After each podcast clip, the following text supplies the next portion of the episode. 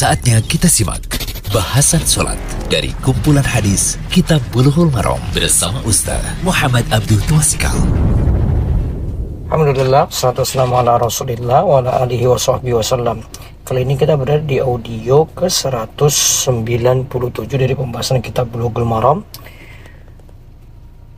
Masih dalam pembahasan kitab sholat, fadlu sholatil jama'ati wal imamati Keutamaan sholat berjamaah dan masalah imam Kali ini kita bahas hadis ke-418 Itu tentang dalil boleh sholat sendirian di belakang sof Dan mendapati ruko Itu mendapatkan satu rokaat Mendapati ruko berarti mendapatkan satu rokaat Hadisnya An Abi Bakrah radhiyallahu anhu Annahu intaha ila Nabi sallallahu alaihi wasallam Wa waraki'un Faraka'a qabla an yasila ila safi Faqala lahu Nabi sallallahu alaihi wasallam Zadakallahu hirsan wa la ta'ud رواه البخاري وزاد أبو داود فيه فركع دون الصف ثم مشى إلى الصف Dari Abu Bakar radhiyallahu anhu ia mendapati Nabi Shallallahu alaihi wasallam ketika beliau sedang rukuk lalu ia rukuk sebelum mencapai saf maka Nabi Shallallahu alaihi wasallam bersabda padanya Semoga Allah menambah semangatmu dan jangan mengulanginya diriwayatkan oleh Al-Bukhari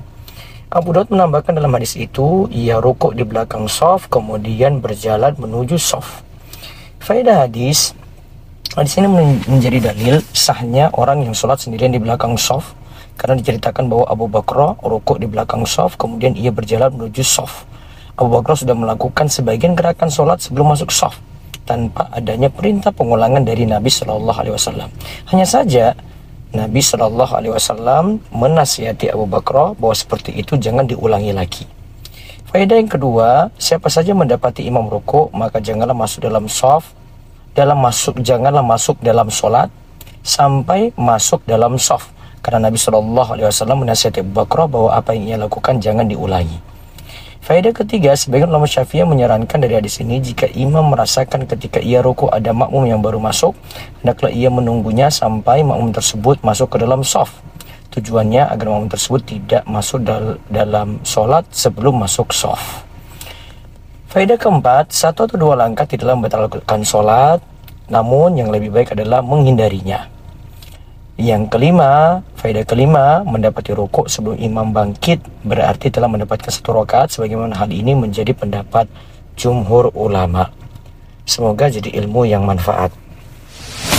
Demikian bahasan sholat dari kumpulan hadis Kitab Buluhul Marom bersama Ustaz Muhammad Abdul Tuasikal.